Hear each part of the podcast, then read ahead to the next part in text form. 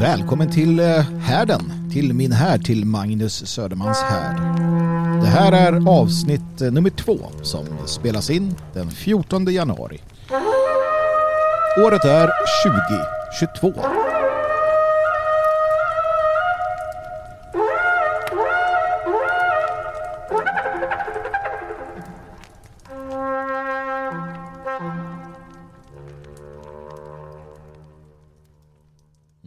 Står man här igen då. Dags att spela in. Jag spelar in live så att säga. Jag, jag, låter allting gå i, eh, i ett slag för att jag uppskattar live. Men jag har inte känt att det är så att jag vill sända live eh, av olika skäl. Vilket, vilket eh, eller det vill jag visst det. Det är bara det att det inte blir så. Så att jag försöker få lite livekänsla åtminstone för mig själv i alla fall. Så när musiken går då står jag här och och lyssna på den och uppskatta den och, och så vidare och så vidare. Jag vet inte, konstigt sätt kanske, men eh, sån är jag i alla fall. Så att det blir den här livekänslan. I vart fall för, för egen del. I natt så stormade det eh, rejält igår. Jag hoppas att ni alla mår bra, att ni har eh, alla lemmar och allting i behåll. Det har varit jävligare på vissa platser än andra, men jag måste säga ändå att jag uppskattar det. Jag gillar eh, de här eh, extremare vädren som kommer. Självklart är det så att jag är inte bonde. Jag är inte skogsägare. Eh, jag är inte eh, någon som på det sättet drabbas menligt. Va? Inte mer än i, i förlängningen såklart. Eh, ja, jag upplevde ju stormen Gudrun här på Västgötaslätten och det var ju också en fantastisk händelse. För mig så var det, som gillade det här, så var det liksom att jag, att jag gick där och var glad och tyckte det var spännande och kul. Jag tror att jag befann mig på Jürgen Rigers ägare i, i Sveneby för tillfället. För andra var det ju mindre roligt, det inser jag också. Eh, framförallt för just eh, skogsägare och, och bönder och, och människor som eh, lever av eh, naturen på ett annat sätt. Va? Så att jag har full förståelse för att man inte känner samma entusiasm som jag gör för extremväder. För det gör jag.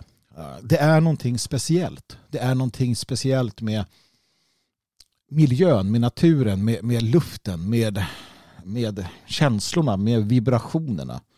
Någonting som fyller en med eh, liv, fyller en med en viss eh, sån här, inte rädsla, det är fel ord, någon, någon form av vördnad inför den, den värld vi lever i. Man, man blir man, man, känner respekt. Va? Man eh, känner att det, det, finns så mycket starkare krafter än en själv där ute.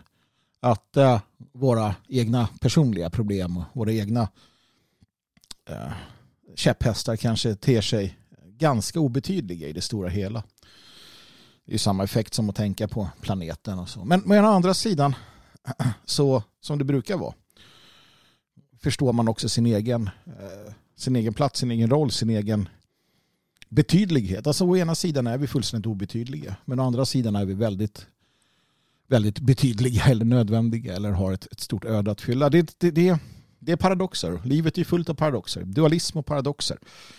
Från vagga till grav. Någonting som inte är en paradox det är utvecklingen i vårt land från, eh, för, från fordom. Jag hoppas du har sett till exempel hur Sverige blev en mångkultur eller när Sverige, hur, när, jag kommer aldrig ihåg vad filmen heter. Dokumentären, boken heter Hur Sverige blev en mångkultur. Jag tror dokumentären Palestra Medias heter När Sverige blev en mångkultur. Det hade jag naturligtvis eh, borde jag tittat, tittat på innan. Men så kan det vara när man sänder så här typ live. Mycket hände under det årtionde som jag föddes, eh, 70-talet. 68 ja, framåt. Vi brukar ju ibland ägna oss åt att fundera på när det gick åt skogen. Och folk har ju lite olika uppfattningar om detta. Men 68 är en ganska bra sån där eh, startpunkt i alla fall. Flower power, hippie dippy, hela den där idén som, som kommer.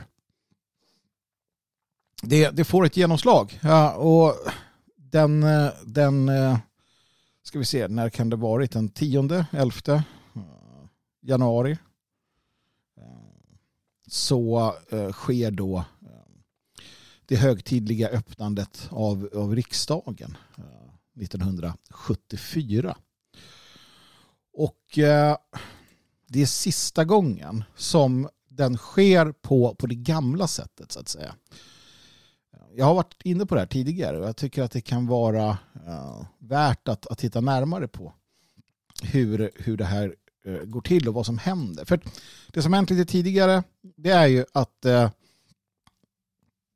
politikerna har, har bestämt sig för att eh, Sverige inte längre ska vara som det var. Socialdemokratin har ju haft som mål och har fortfarande som mål att helt avskaffa monarkin. De avskyr alla former av auktoriteter. Utom när de själva bestämmer. Och eh, det som händer är att man, man går in och petar lite i detta och i princip då um, se till att ta bort all eh, exekutiv eller eh, makt då från kungen. Han, han blir en, en representant för eh, Sverige. Eh, han, han, han, blir en, en gardionsfigur, en reklampelare. Det är allt. I övrigt så, så kastreras han fullständigt. Så 1974 när riksdagen öppnas så är det sista gången som det öppnas eh, på, på det gamla sättet. Det är sista gången som, som eh, den, den eh, tidigare ordningen ehm, eh, så att säga vidmakthålls. Efter detta så blir det en helt annan sak. Det, det, finns på det finns på ehm, SVT Play tror jag, Öppet arkiv, så finns hur det ser ut när detta sker. Och jämför man 74 med 75 så blir det tydligt vad som har hänt. Det blir väldigt tydligt. För att kungen, man kan tycka vad man vill om Bernadotte, men kungen är en, en, en eh, symbol för Sverige, svenskarna, flaggan, landet, historien, det som har varit, det som komma skall och så vidare. Det är så monarken fungerar. Och monarken är egentligen frånkopplad personen. Monarken är en egen entitet. Det är därför monarken är undantagen straffansvar. Han kan inte dömas för brott. Monarken kan köra för fort. Det gör ingenting. Eller det gör ju någonting, men, men han kan inte dömas för det. Och det är för att monarken är Sverige och Sverige är monarken. Du kan ju inte gärna döma Sverige för brott mot hastighetsbestämmelser. Och det är själva idén, man måste förstå den här hierarkin. Och 1974 så är det då riksdags, riksdagens högtidliga eh, öppnande. Och det som händer då i den gamla ordningen det är att man eh, låter eh, man låter eh, politikerna kliva in Eh, politikerna eh, går in och, och sätter sig. Man är på rikssalen då i slottet. Eh, politikerna får komma in eh, och sätta sig framför tronen. De sitter lågt. De sitter på, på små träbänkar. Det är inte alls vanliga stolar utan det är, det är liksom, du kommer ner ganska djupt och där sitter de allihopa. Ja, och sen så har du då adeln och sådär. Det är ganska oviktigt tycker jag. Sen händer någonting och det är att man hör ett, ett, ett taktfast trampande.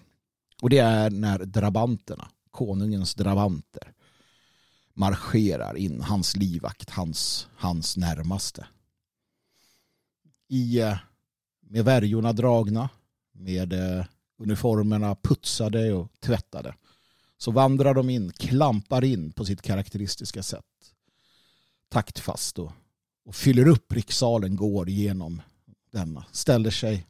Ja. Man, man, de går förbi politikerna. De, de visar att ni är så att säga underställda oss på något sätt. Inte de som sådana men som representanter för konungens livvakt. För sen kommer konungen in och han sätter sig på tronen. Och då vet alla. Drabanten har gått ut. Men då vet alla. Då har alla sett att Sverige, alltså nationen Sverige har drabanternas skydd, har det militära skyddet mot allt, mot alla fiender. Konungen som representant för Sverige har politikerna sittande nedanför sig, väl medvetna om den här symboliken att i slutänden så måste vi vara ansvariga inför Sverige, inför konungen, inför hans militära makt. Det här gjorde man sig av med. Det här eh, gjorde man sig av med. Året efter, 75, eh, när, när, när detta öppnande sker. Då ser vi hur kungen glider fram i en bil utanför Rosenbad tror jag det är. Ställer sig en rulltrapp och åker upp. Ingen eh, krona, ingen symbolik. Eller snarare symboliken att han är eh, kastrerad. Det är politikerna som tar emot kungen och informerar honom istället för att han säger åt dem vad som gäller. Och det här bäddar ju naturligtvis för kaos, för politiskt eh, trams som vi har sett nu. Vi har sett under flera år hur politikerna käbblar, för att låna ett ord från den forna förra statsministern. I den gamla ordningen, då hade konungen kunnat kliva in och säga nu får ni skärpa er. Nu har ni hållit på i två år på det här sättet. Om ni inte gör något vettigt så tar jag över. Så får vi börja om från början igen.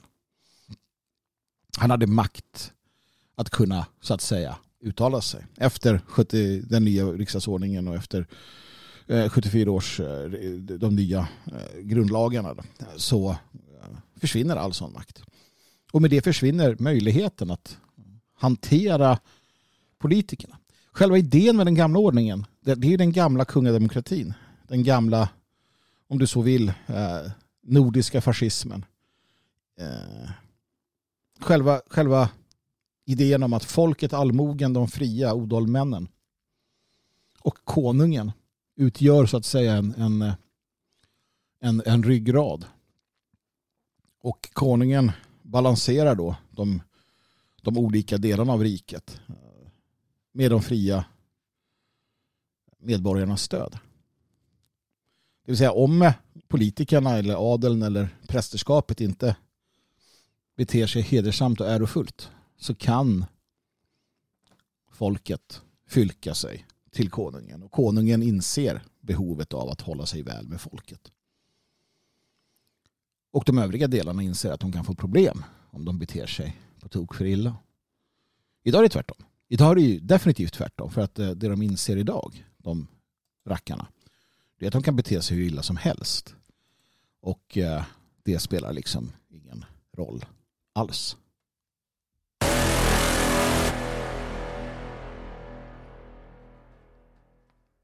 Ja, det om det. Ehm, jag, vill, jag, ska, jag ska prata lite, jag har, ett, jag har ett fokusämne också denna dag.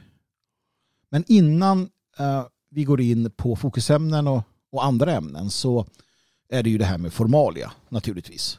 Formalia är viktigt.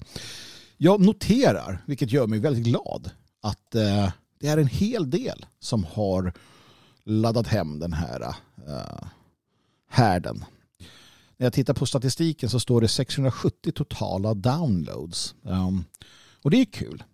Jag vet ju att det här kommer att uh, dala lite med tiden. En hel del som laddar ner kanske tänker vad i hela fridens namn var detta? Den här människan vill jag absolut inte lyssna på mer. Nej men gör inte det då. Uh, det var ju det jag sa åt er alla. Duger inte, passar inte så gör något annat med livet. Sitt inte och bli arga. Det är inte bra. Uh, och det är ju kul i alla fall att, att det har fått en sån, en, en sån början. Jag hoppas att det fortsätter. Tack till er alla som stödjer och hjälper och finns där ute. Tack till er som är stödprenumeranter. Ni som, ni som sprider Radio Svegot överallt. Det är det som får det här att fungera. Och som sagt, eh, donationer. Det är jag inte, det skäms jag inte för att be om. För det är så det fungerar. Eh, och märk då gärna donationen här den så att jag vet att det är det här programmet som ni uppskattar. Ta fram Swish och eh, skriv in 123 510 5762 och donera den slant du tycker att det här var värt att lyssna på. Lite hemsidor att eh, besöka således också då. Nordlighorisont.se, det har inte hänt ett dugg där sen sist kan jag säga. Så du behöver inte besöka den om du gjorde det förra gången. Har inte haft tid att uppdatera denna. Eh, det blir alltid så att de privata och personliga projekten får stryka på foten när det kommer till det övriga vi gör med stabsläge, med kväll med Svegot, med livestreamen och det fria Sverige, arbetet generellt sett. Om jag då vill sätta mig och skriva om eh, Sangreal eller eh, Katarerna utifrån något mytiskt perspektiv så ja, det får jag göra någon annan gång helt enkelt. Och den där andra gången den finns ju inte. Det blir ju liksom ingen ordning på detta. Men i alla fall, då och då händer det. Då och då smäller det till. Nordlighorisont.se Svegot.se naturligtvis, detfriasverige.se, bli medlem i föreningen och Logikförlag, alltså logik.se. Jag har precis skrivit klart manuset på nästa fickbok som eh, kommer handla om eh, tankar och funderingar som har väckts under och nu i sluttampen verkar det som av den här pandemin. Eh, så att eh, håll utkik efter detta. Pandemitankar kommer den heta och eh, bearbetas just nu manusmässigt. Så att, det är på gång med en till liten bok av mig. Logik.se, där finns ju annat också, inte bara böcker om mig. Faktiskt ganska dåligt med böcker om mig just för att de, de ligger för att omarbetas lite grann. Så är det med den saken. Det där var eh, småpratet. Det där var eh, själva ja, mat och potatis brukar jag kalla det för. Nu ska vi gå vidare, mina vänner. Men innan vi går vidare så ska vi lyssna på någonting. Och det här gjorde mig själaglad för jag hittade det här i någon, på en hårddisk jag hade. Eh, som jag sa förra gången så är det tio år sedan som eh, jag i alla fall eh, började hålla på med, med poddande och media och radio på det här sättet.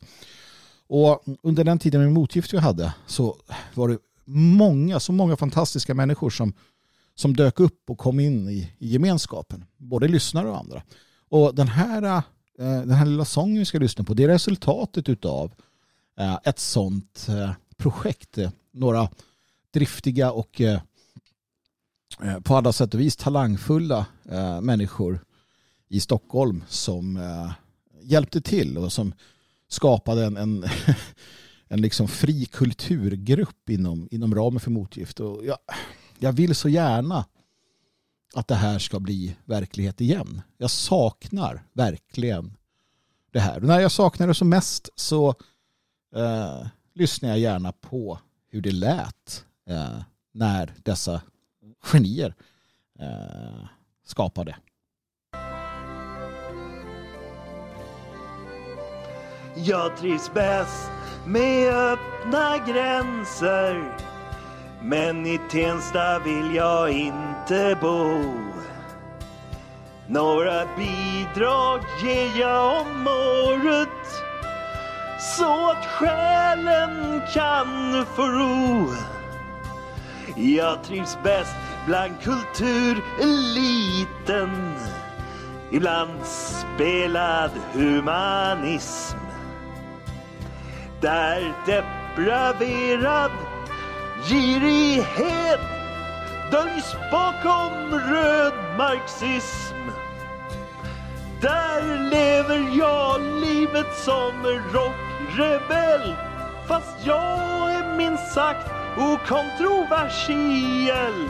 Mina sista hjärnceller söp jag bort någon gång på en turné.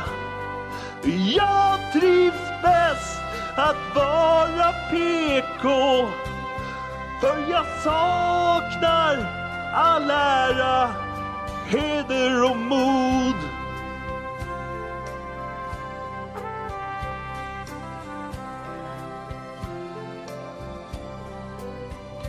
Är man pretentiös och gubbstrutt bor man där havet möter land där kan min överskattade Hötorgs poesi slita alla band. Jag trivs bäst med unga kvinnor. Kunde varit farfar till en del. Lockats av mina pengar och mitt falska djup och mitt usla gitarrspel. Jag är en föredetting nu som byggt mitt liv kring sommaren 67. Och för att inte falla ner i glömskans hål så sjunger jag nu mångkulturens lov. Jag trivs bäst att vara PK. För jag saknar all ära, heder och mod.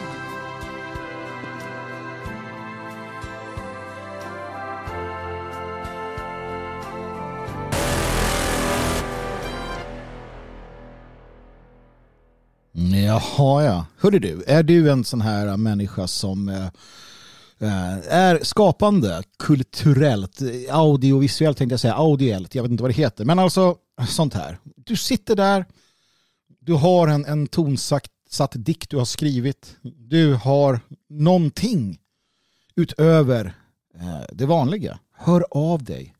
Hör av dig till Svegot. Eh, och hör av dig till mig. Nu borde jag haft en e-postadress. Jag kommer ordna en eh, där ni kan komma i kontakt med programmet.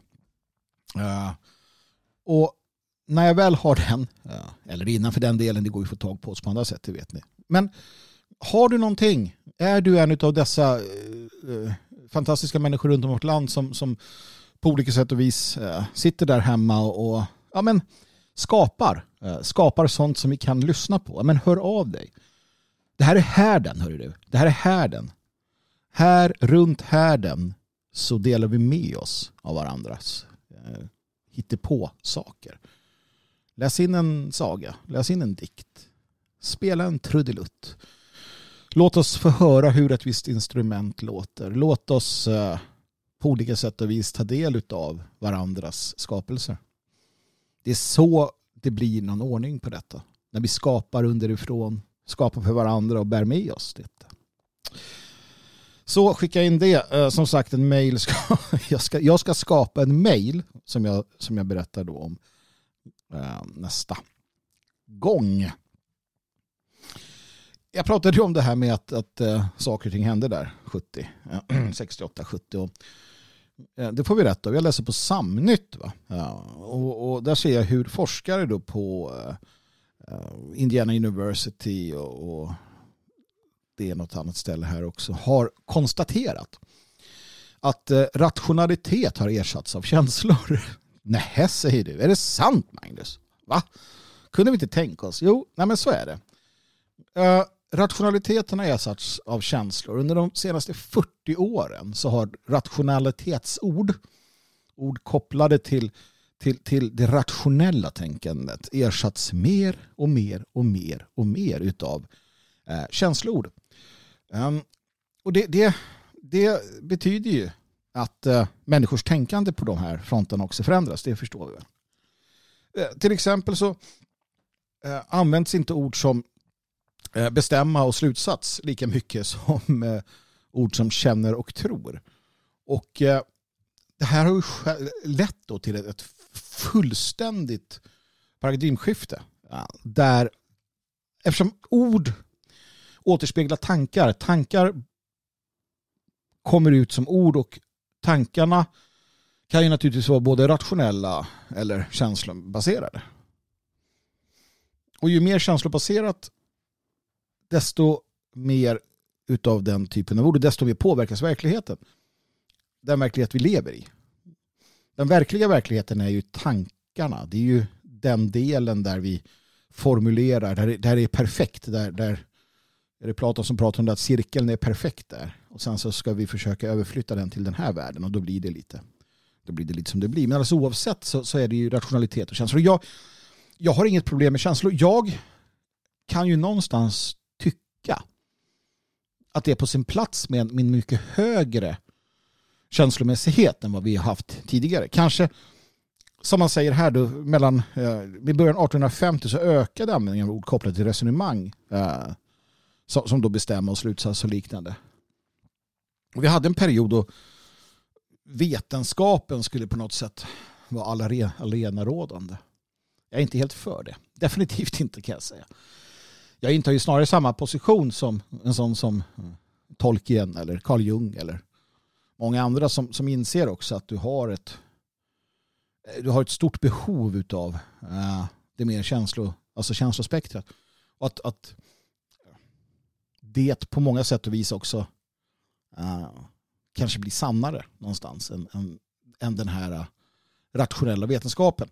Jag vet att resonemanget kan vara svårt att hänga med i. Eh, det är för att jag att jag pratar direkt från hur jag tänker. Och det saker är den att mina tankar är ju mycket mer invecklade än, än det jag lyckas prestera till er. så att det som kan kännas helt naturligt för mig kanske framstår som aningen virrigt till er.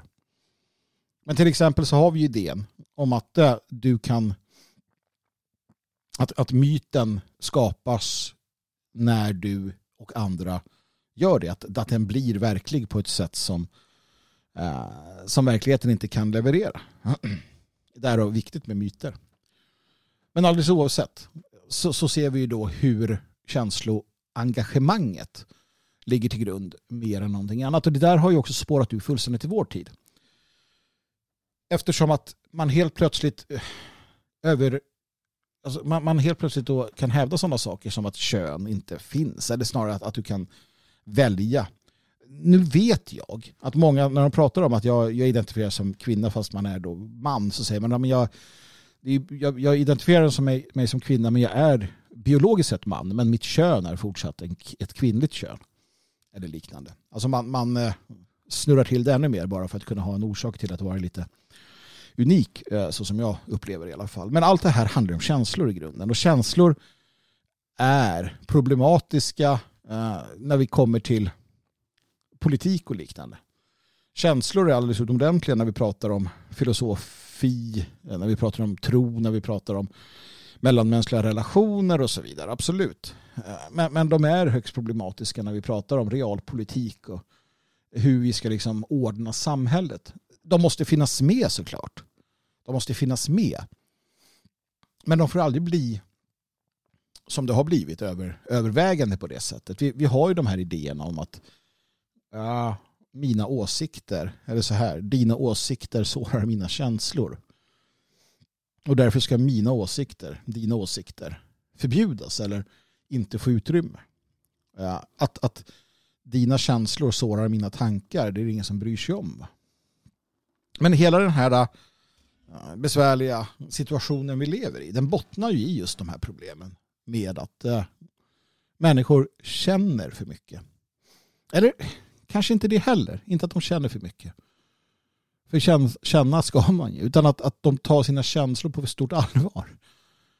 Att de, att, de inte måste, att de inte kan hantera sina känslor själva utan de måste så att säga tvinga världen att, att anpassa sig efter deras känslor och då hamnar vi i en situation som blir ohållbar i, i förlängningen.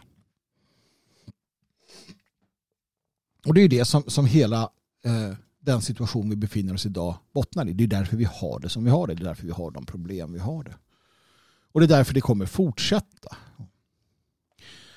Och, och det, här, det här kan man se då eh, över hela spektrat. Böcker, inom journalistiken, eh, inom musiken, inom filmen. Ja, allting blir mer och mer känslobaserat.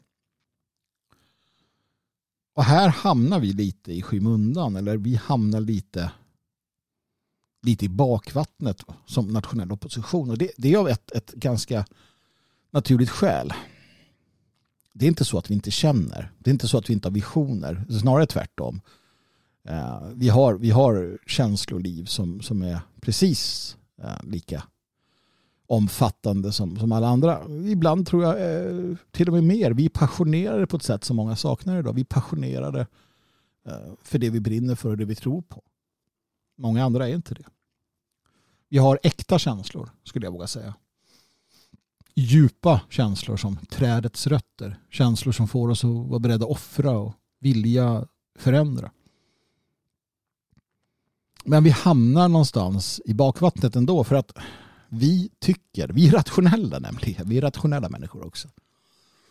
Och vi tycker att eh, man kan ha två bollar i luften. Det vill säga att när vi pratar om våra kärnämnen, när vi är i den realpolitiska världen, då pratar vi utifrån rationalitet, logik eh, och kalla fakta.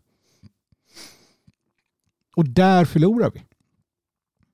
För att detta är inte längre det som människor utgår ifrån när de formar sina ideologiska ståndpunkter eller eh, sin politiska eh, bild. Utan det är känslor. Och det här är ju svårt för oss. Det är svårt för, för oss för att vi känner oss som hycklande propagandister om vi skulle bete oss så som politiker och andra gör. Som, som hela tiden hänvisar till känslor. Men jag tror att det är det vi måste göra. Eller det är uppenbart att det vi måste göra. Ska vi prata till, det finns ju ett fint gammalt ordspråk. att man talar till bönder på bönders vis och till de vise på latin. Det vill säga anpassa dig. Anpassa dig efter hur situationen och verkligheten ser ut. Och det, det är det vi, vi måste göra såklart. Det duger liksom inte. När det kommer till, till den, den verkliga världen, den, den världen som borde styras av rationalitet, så gör den inte det. Det, det, är, just, det är då man baxnar, det är då man häpnar när man, när man säger att när någon ni minns det här, och det händer väldigt snart igen. Någon säger, men hur många, hur många människor kan Sverige ta emot? Och då, då svarar man med att, vadå, vad är det för fråga? Hur kan du ens ställa den frågan? Eller som när det är någon SD som frågar Gudrun Schyman, men var ska pengarna tas ifrån? Och hon svarar känslomässigt, vad är det för fråga? Det spelar väl ingen roll, vi måste rädda liv och så vidare. Samma, samma sak är ju under pandemin. Eh, den här kränktheten många känner över det faktum att, att de är dödliga. Eh, det kan man ju inte gå med på. Därför måste alla låsas in. Därför måste vi vidta åtgärder som är helt hopplöst eh, överdimensionerade mot farligheten. Och det är ju för att man inte är rationell. Man är inte rationell för fem öre. Och rationalitet är lätt att ta bort hos människor också genom att skrämma slag på dem. Om du får människor att bli rädda då är de inte rationella längre. Och det här är inget du kan styra över själv på något sätt egentligen. Eller ja, det är klart du kan det. det absolut kan du det om du tar dig tiden. Om du tar dig tiden till att, att äh, lära dig att förstå och hantera ditt känsloliv. Att äh, öva dig i stoicism. Att meditera över saker och ting och, och så vidare. Kontrollera dig själv, absolut. Men det är väl kanske inte var mans, eh, var mans liksom, nöje att göra det och lägga tiden på det. Utan man är en del av en större verklighet som reagerar och agerar. Känslomässigheten ligger också i grunden för pöbelväldet i den negativa bemärkelsen. Inte en kollektivistisk idé om att man tillhör någonting större utan pöbeln pöbeln som svänger åt ena än det andra hållet lite beroende på. Pöbeln förutsätter att eh, rationaliteten spolas ner. För det duger ju inte att enskilda individer i pöbeln börjar tänka själv när de ska dreva mot en den andra eller, eller så. Det, det funkar ju inte. Alltså måste vi lära oss hantera detta. Vi har varit inne på det många gånger, jag har pratat om det många gånger. Och jag är dålig på det själv. Jag, tycker att fakta borde räcka. Men det gör det inte. Va? Jag, jag kanske är dålig på det också. Det kanske är bättre om eh, jag eh, håller mig till min läst. Skomakare blivit vid din läst. Och jag fortsätter göra det jag gör. Men jag tror att den, den generella, den generella uh, uppmaningen till människor i vår opposition som har möjlighet att uttrycka sig det är att att involvera känslorna mycket, mycket mer. Jag, jag gör det när jag eh, får tillfälle att tala. Alltså i anföranden och tal. Då förvandlas jag till en renodlad känslomänniska. Men det är då. Ja. Och eh, det har ju sina, sina fördelar såklart. Det märker man ju också att man påverkar människor på ett annat sätt. Och jag blir också påverkad på ett helt annat sätt utav, utav känslodrivna eh, anföranden och sånt. Men, men som sagt, det är ju det här att man, man ser båda sidorna av det. Man tycker att det är en tid för det ena och en tid för det andra. Det är ju det som man inte ser i, i samhället på en större del. idag. Jag kan nog inte ändra mig och, och, så. Men jag tror att det är viktigt i vart fall att, eh, att komma ihåg detta. Det är viktigt att komma ihåg att det är på det här sättet.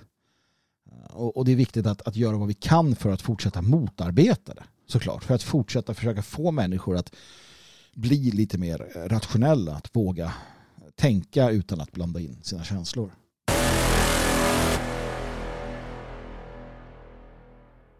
Och det har vi gjort och jag tror att det har gått ganska bra. Det går bättre och bättre. För vi kan konstatera att det händer ändå saker i samhället som, som är till vår fördel. Um, jag minns för några månader sedan, eller jag vet inte om det var några, för en tid sedan kanske vi ska säga istället. Uh, då kom ju nyheten att Svenska Filminstitutet, att, att svensk film fick uh, nya krav på sig mångfaldskrav.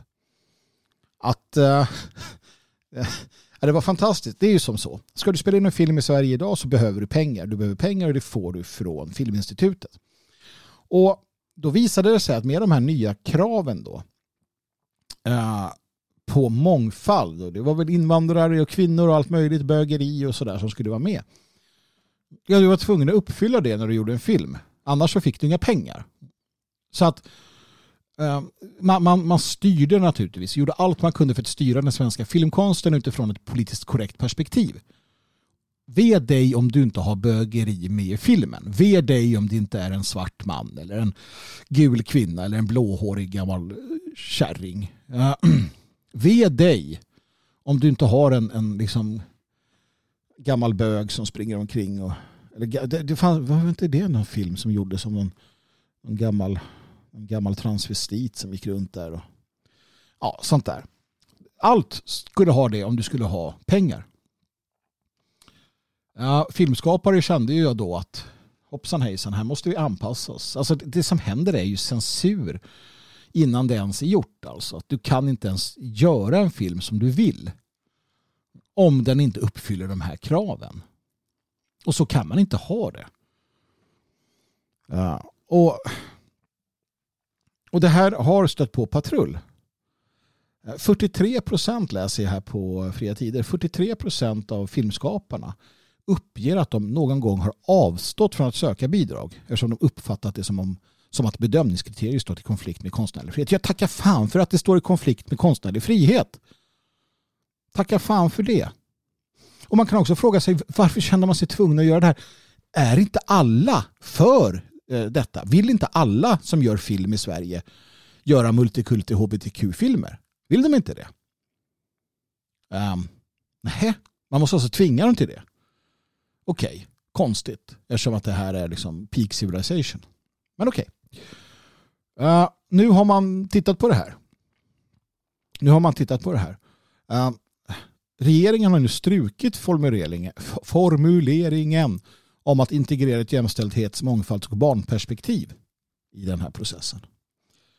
Eh, man har också sagt åt Filminstitutet att de ska eh, vidta åtgärder för att säkra den konstnärliga friheten inom ramen för bidragsgivning. Hoppsan hejsan, det här är ju en stor sak. Det måste vi förstå. Det är en väldigt stor sak. Att gå från att eh, tvinga filmskapare att ha vissa saker mediefilmerna till att, till att släppa, släppa på tyglarna. Det, det, är stort naturligtvis. Det är stort. Det betyder att, att det händer saker. Det betyder att man går emot äh, den här äh, radikalfeministen Anna Serner som är Filminstitutets vd. Äh, eh, ni vet hon som, som kallade Janne Josefsson för ett gubbsläng. Uh, hon var, hon var Filminstitutets vd och körde på hårt med detta. Hon är ersatt nu. Men i alla fall, alltså aktivisterna har stött på patrull i det här fallet. Och det här ska vi ta. Återigen, en av mina käpphästar. Varje gång vi inom citationstecken vinner så ska du bli glad. Du ska känna yes, där har vi en seger. Yes, nu har vi en seger till. Det här är en seger. Dysterkvisten kommer naturligtvis, ja men vadå, det är fortfarande skit Tyst med dig bara. Det här är en seger. Vi är på väg åt ett annat håll. Det har ändrats lite grann. Och det är det vi måste se på. De små stegen, de små förändringarna. Det är då vi på något sätt kan, kan få till stånd en förändring. Generellt sett. När små saker förändras så slutar det med att de stora sakerna också förändras. Alltså gläds vi åt den här nyheten. En till nyhet ska du få som också är något att glädjas, glädjas åt. Och det är en nyhet som kommer som säger, och det här är på samma ämne förstår ni. Ibland blir det så att de faller ihop när jag känner för att jag vill kommentera vissa saker som har skett under veckan. Att de hör ihop och det här hör definitivt ihop för att Europadomstolen har kommit fram till att ett kristet par från Nordirland tror jag det är, eller Irland, inte behöver baka en homosextårta. Vad sägs om den då? Vad sägs om den då? Det är homosexaktivisten Gareth Lee eh, som är medlem i organisationen Queerspace eh, som har drivit målet. Han krävde att det här kristna paret som har en, en, en ett konditori eh, var tvungna, skulle vara tvungna att baka en bögtårta åt honom. Med eh, liksom, ja, en klassisk bögtårta med, med allt vad det innebär. Eh, och de sa nej. De sa nej, vi, eh, vi, vi uppskattar inte denna eh, livsstil och du får göra som du vill men, men det här är vårt, eh, vårt konditori. Och här, här gör vi som vi vill. Och då stämde han dem, såklart. Uh, och uh, det här är alltså ett, ett, ett, en, en, eh, ett fall som går tillbaka till 2014. Ja, och uh, tårtan skulle då ha Burton Ernie från Nupparna och budskapet Support Gay Marriage på sig. Det här gjorde ju naturligtvis Gareth Lee för att provocera. Det är så de jobbar. Och det, det, det blir ju extra intressant i våra tider då vi har sett hur eh, butiker efter butiker och kaféer och liknande framförallt eh, i andra delar av, av Europa sätter upp skyltar där ovaccinerade inte är välkomna. Helt plötsligt gick det bra att diskriminera. Eh, och det är väl självklart så, tycker vi. Eh, och den eh, vän av ordning att, att en, en, en företagare ska kunna få säga nej till kunder. Annars vore det ju helt, helt vansinnigt.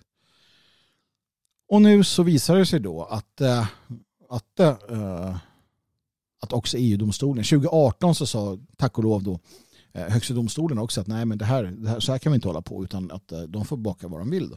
Men då har EU-domstolen sagt sitt också i fallet. Uh, och jag håller med Christian Institute som har hjälpt det här paret att det är goda nyheter för yttrandefriheten. Goda nyheter för kristna. Goda nyheter faktiskt för alla traditionalister uh, oavsett religionstillhörighet som, som inte vill se den här aktivistiska hbtq-världen fortsätta flytta fram sina positioner på det här sättet. För, för märk väl att det är det det handlar om. Det var länge sedan det handlade om att vi vill bara få leva som ni det, gör de. Det gjorde de i princip då också. Nu handlar det om att hela tiden flytta fram sina positioner. Det handlar hela tiden om att, att uh, ha mer och mer och mer och mer inflytande.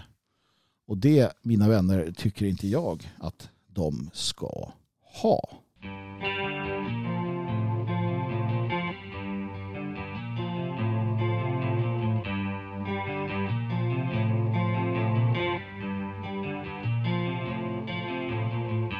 in the halls of the battle slain. Proud warriors living in light, chosen to rise once again. Under Asgard's godly skies, where the hero's peace is his. Fly Odin's ever watchful guides above the open fields with the quivers of selfless lies.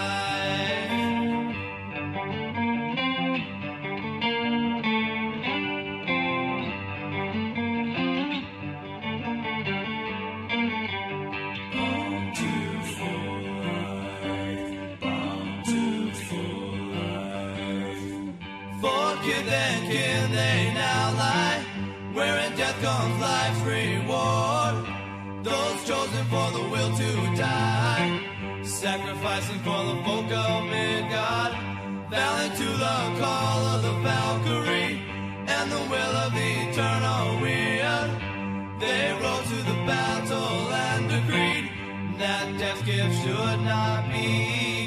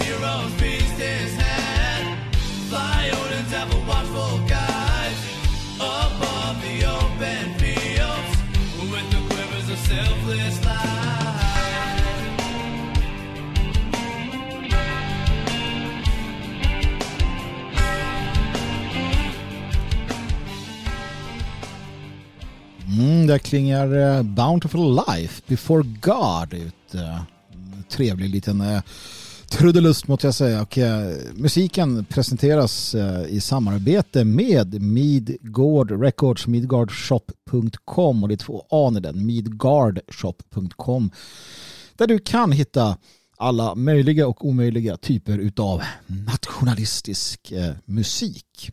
Gör det, gör det. Precis som du stödjer alla former av nationalistiskt företagande. Om du vet att ett projekt, en butik, en verksamhet drivs av nationalister, ja, då använder du dem i första taget. Svårare än så är det ju inte. Hörrni ni, jag vill prata om någonting eh, annat nu. Jag, eh, det slog mig nämligen. Det slog mig nu på morgonen när jag skulle börja spela in det här att jag firar ett till jubileum i år. Um, och det är eh, 30 år som skinhead. Skulle man kunna säga om man vill.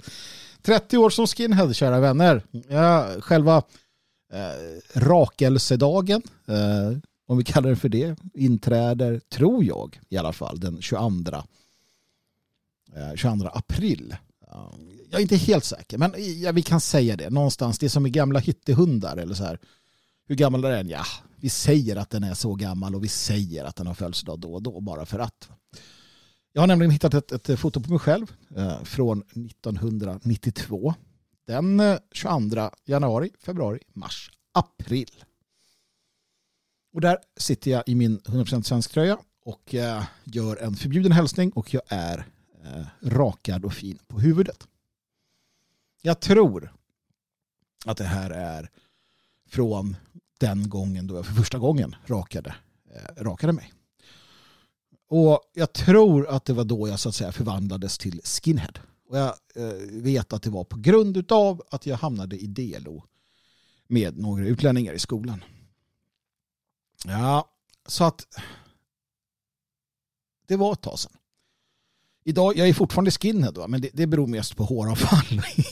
Ingenting annat. Uh, jag, jag, har inte de andra attiraljerna. Även om jag mm, mer ofta än sällan nu för tiden kan känna ett visst sug efter att jag har ju sådana här killers. Jag har ju bomberjackan. Jag har ju M65.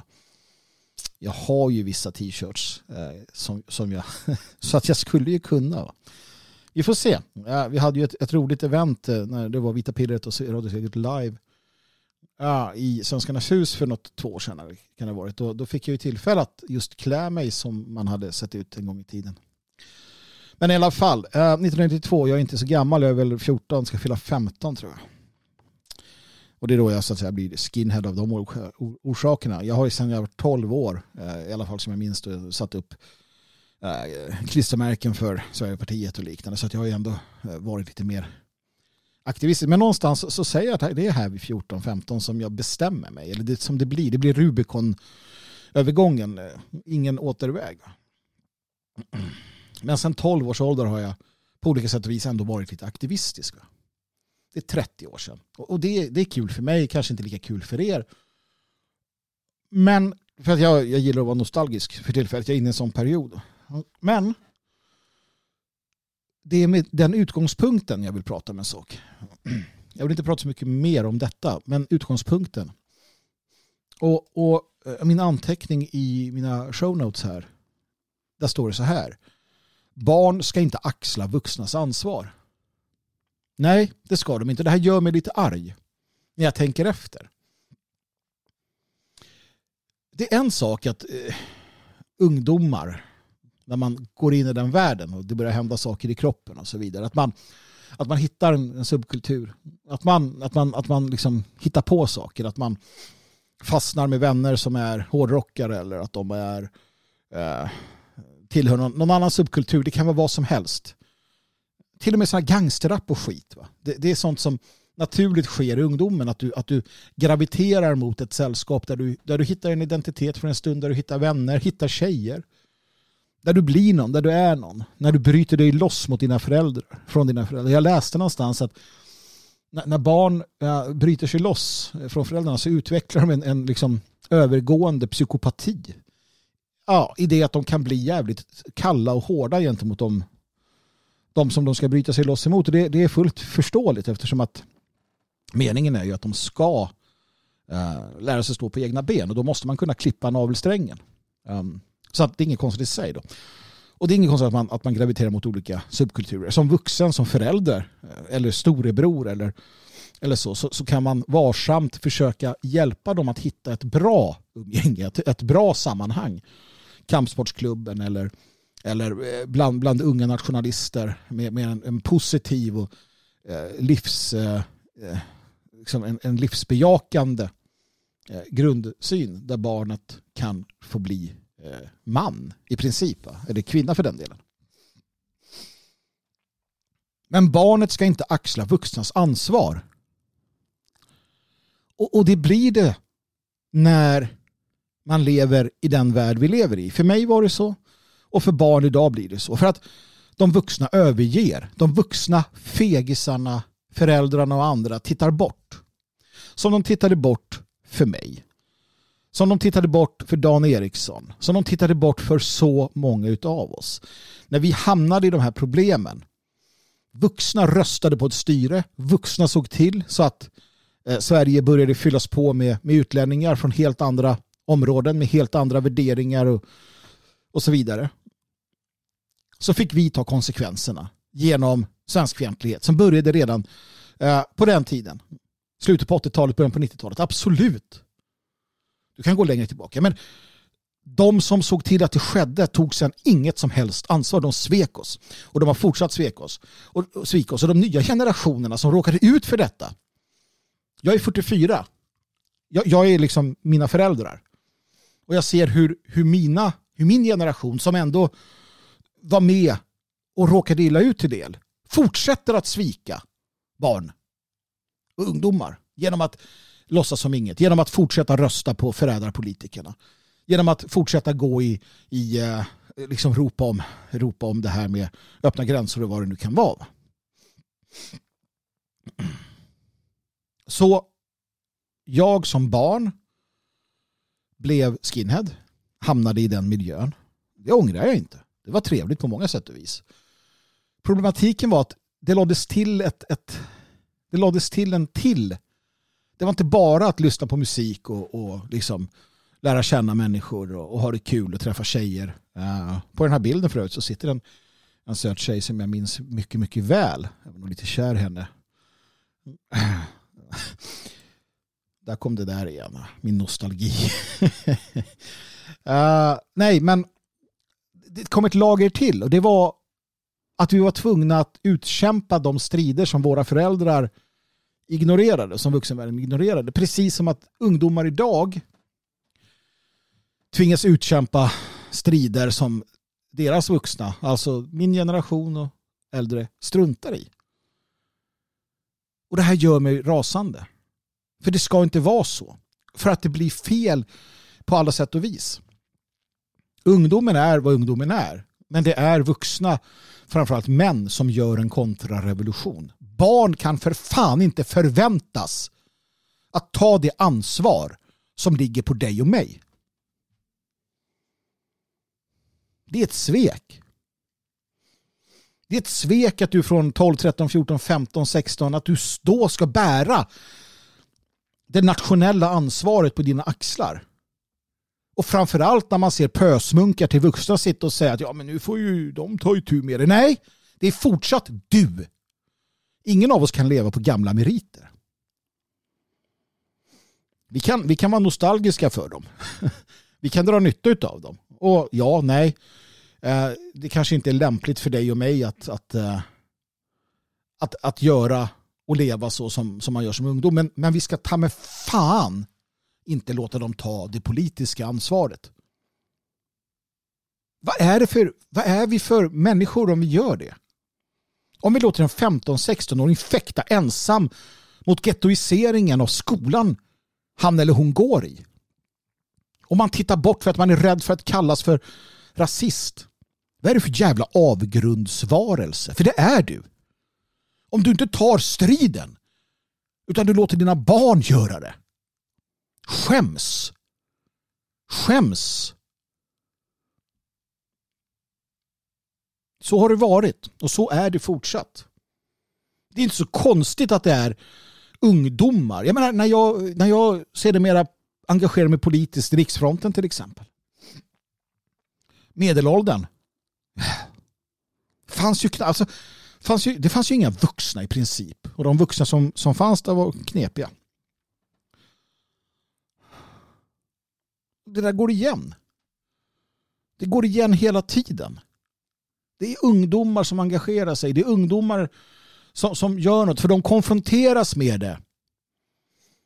Sen blir de äldre och, och konfronteras inte på samma sätt med det och så slutar de bry sig så blir man en del av den här skaran som låter nästa generation ta skiten.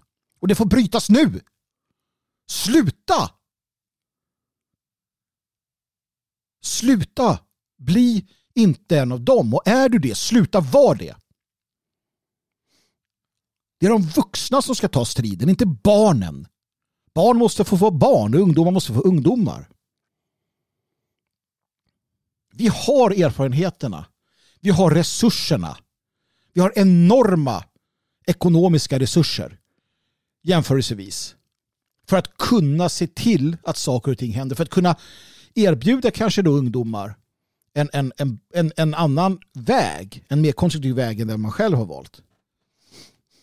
Det är också av det skälet som, som det fria Sverige um, kommer att, att bjuda in till uh, ett uh, möte där just ungdomar ska få komma samman för att kunna resonera sig fram kring hur de vill gå vidare.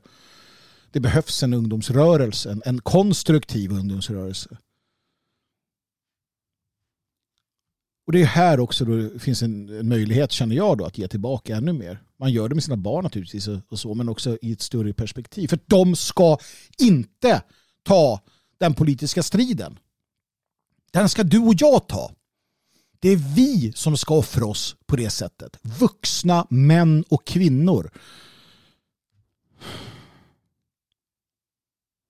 Jag önskar att någon hade gjort det när jag själv var liten. Jag önskar att jag hade fått behålla några år av barndom och ungdom. Jag hade, hade tyckt det var trevligt tror jag.